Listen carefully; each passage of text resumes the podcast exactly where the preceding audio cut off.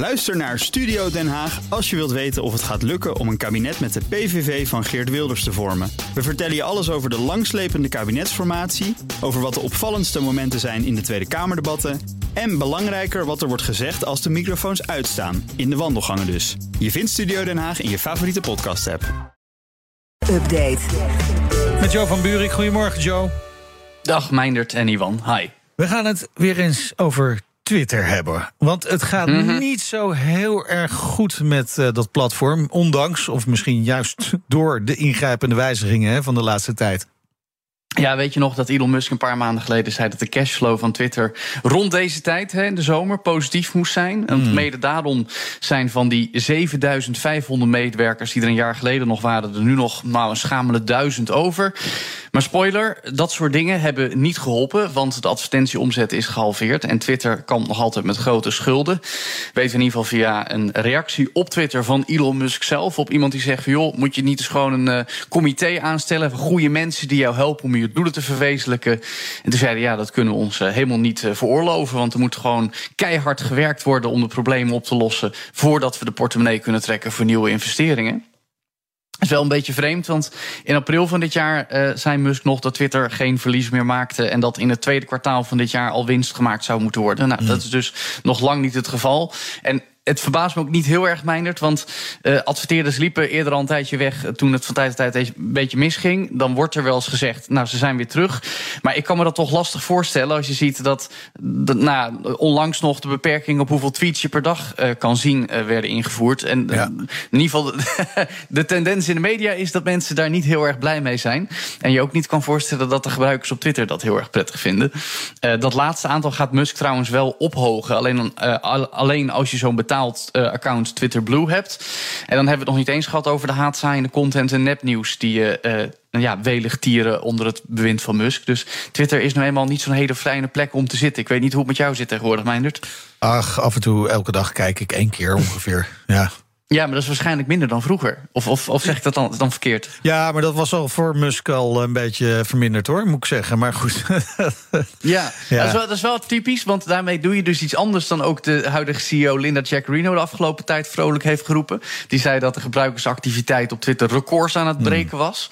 Maar je kan je toch alleen maar afvragen of dat waar is. Ja. We weten het alleen niet, omdat het geen beursgenoteerd bedrijf meer is. Overigens nog even over de concurrerende app van Meta, Threads. Daarvan zei dat natuurlijk wel, nou, binnen vier dagen hadden ze al 100 miljoen gebruikers. Maar ook daar zijn het dalende cijfers. Want uh, het aantal dagelijkse gebruikers is alweer met 20% gedaald. En ook de activiteitsperiode per dag gemiddeld is van 20 minuten naar 10 minuten gegaan. Ja, dus ja. uh, daar is de nieuwigheid ook wel een beetje nee, af aan het gaan. Maar, maar zou Elon Musk als een uh, veldbedje op het hoofdkantoor van Twitter hebben neergezet? Want zo heeft hij Tesla er toch doorheen gesleept op een gegeven moment. Nou ja, dat is dus al, dat is al een tijdje hoe hij het doet. Hè. eigenlijk sin, kort sinds na de overname dat hij mensen dwingt om over te werken. De wc's worden niet schoongemaakt, er wordt geen eten besteld. Dat soort dingen. Uh, en ik denk dat dat nog een tijdje doorgaat. Dus ja. ik zou geen Twitter-medewerker willen zijn uh, in deze tijd. Nee.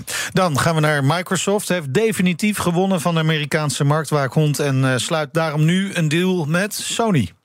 Ja, dat gaat natuurlijk de om de overname. Van... eigenlijk. Zeker. Dat gaat natuurlijk om de overname van gamebedrijf Activision Blizzard. Want de Federal Trade Commission, oftewel FTC, probeerde die met man macht tegen te houden. Zoals we weten. Begin vorige week stelde de rechter Microsoft al in het gelijk na een lange procedure daarvoor. Er was eigenlijk een uh, verzoek tot hoger beroep nog ingediend door de FTC in de loop van vorige week. Maar dat heeft het niet eens gehaald. Uh, Waakhond had gevraagd om de overname die deze week moet plaatsvinden alsnog tegen te houden. In elk geval totdat de eigen rechter van de FTC in uh, augustus uh, deze zaak nog verder in behandeling gaat nemen. Maar dat gaat niet gebeuren en dat was eigenlijk ook wel te verwachten, Meijnerd. Want nadat de federale rechter in Californië zich er al over had gebogen... kun je afvragen of een eigen rechter van een ja. waakhond... die eigenlijk lager is, daar nog veel over kan zeggen. Uh, goed nieuws voor Microsoft en Activision Blizzard. Want morgen, 18 juli, verloopt hun zelf opgelegde deadline... om de overname volgens de huidige afspraken te voltooien. En jawel, Sony, de grote aanjager van die felle aanpak van de FTC in die overname heeft inmiddels ook maar de handdoek in de ring gegooid. Heeft een overeenkomst getekend met Microsoft om in ieder geval verzekerd te zijn van dat de populaire shooter Call of Duty op de PlayStation spelcomputers kan blijven uitkomen. Heeft de Microsoft Gaming topman Phil Spencer net bekendgemaakt op Twitter. In elk geval, het opgelucht ademhalen voor de komende tien jaar als je een PlayStation hebt. Want uh, zo lang blijft Call of Duty in elk geval nog uh, op de PlayStation verschijnen. Dus voor jou en je kinderen wellicht uh, een, een, een opluchting. Nee, Microsoft heeft het ook benadrukt in de rechtszaak. Dat ze ja. nu echt meer uitgever van games op meerdere platforms willen zijn. Niet alleen maar die eigen spelcomputer Xbox. en dat sluit ook wel aan. Ja, Microsoft is uiteindelijk een softwarebedrijf. Wil gewoon software op zoveel mogelijk hardware uitbrengen. En niet zelf hardware maken. Dus ja. wat dat betreft zal die deal ook helpen om de laatste blokkade te overwinnen. Dat is de Britse marktwaakhond CMA. Daar wordt nu nog onderhandeld. Maar dat moet nu echt een kwestie van tijd zijn, mij. Net ik verwacht okay. in de loop van deze week dat de overname gewoon een feit is. Nou, zullen we dat ongetwijfeld hier in de tech-update weer horen. Dan nog even heel ander nieuws. Want deze week wordt binnen de VN-veiligheidsraad voor het eerst vergaderd over AI. Ja, dat is toch wel interessant, maar ook geen verrassing als je ziet wie deze maand daar het voorzitterschap draagt. Dat is namelijk Groot-Brittannië.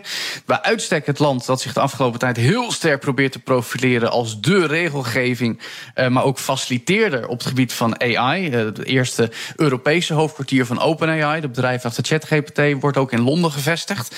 Eh, maar de Britse minister van Buitenlandse Zaken, James Cleverly, gaat in die VN-veiligheidsraadvergadering de boel voorzitten, morgen in New York.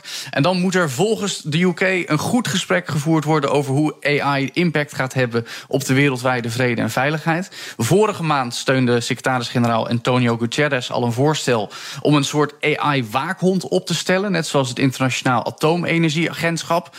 Ik ben heel erg benieuwd wat daar dan weer over gezegd gaat worden morgen. En hoe dat gerealiseerd wordt en hoe haalbaar het is. Uh, maar het is in ieder geval interessant dat ook uh, op het hoogste niveau in de VN hier nu uh, men mee bezig gaat. En de vraag is of het tot een situatie gaat leiden die AI enigszins kan beteugelen. Ja. Of dat het eigenlijk alleen maar in de handen van de grote techbedrijven nou ja, iets met dat, AI dat, willen doen. Dat maakt het natuurlijk interessant. Hè? Als je kijkt van wat voor partijen gaan er nu eigenlijk hebben een leidende positie als het gaat om AI, dan zijn het hele grote techbedrijven. Of mm -hmm. uh, overheden zoals die van China, uh, die niet bepaald heel democratisch gekozen zijn. Nee, dat klopt. En zeker omdat China vorige week nog naar buiten kwam met dat ze hun eigen richtlijnen voor AI hebben opgesteld. die vanaf uh, half augustus in werking gaan treden. En het gedachtegoed van de Chinese overheid moeten vertegenwoordigen. Is het goed dat we in het Westen daar misschien iets tegenover gaan zetten? Dankjewel, Joe van Buurik. De BNR Tech Update wordt mede mogelijk gemaakt door Lenklen. Lenklen. Betrokken expertise, gedreven resultaat.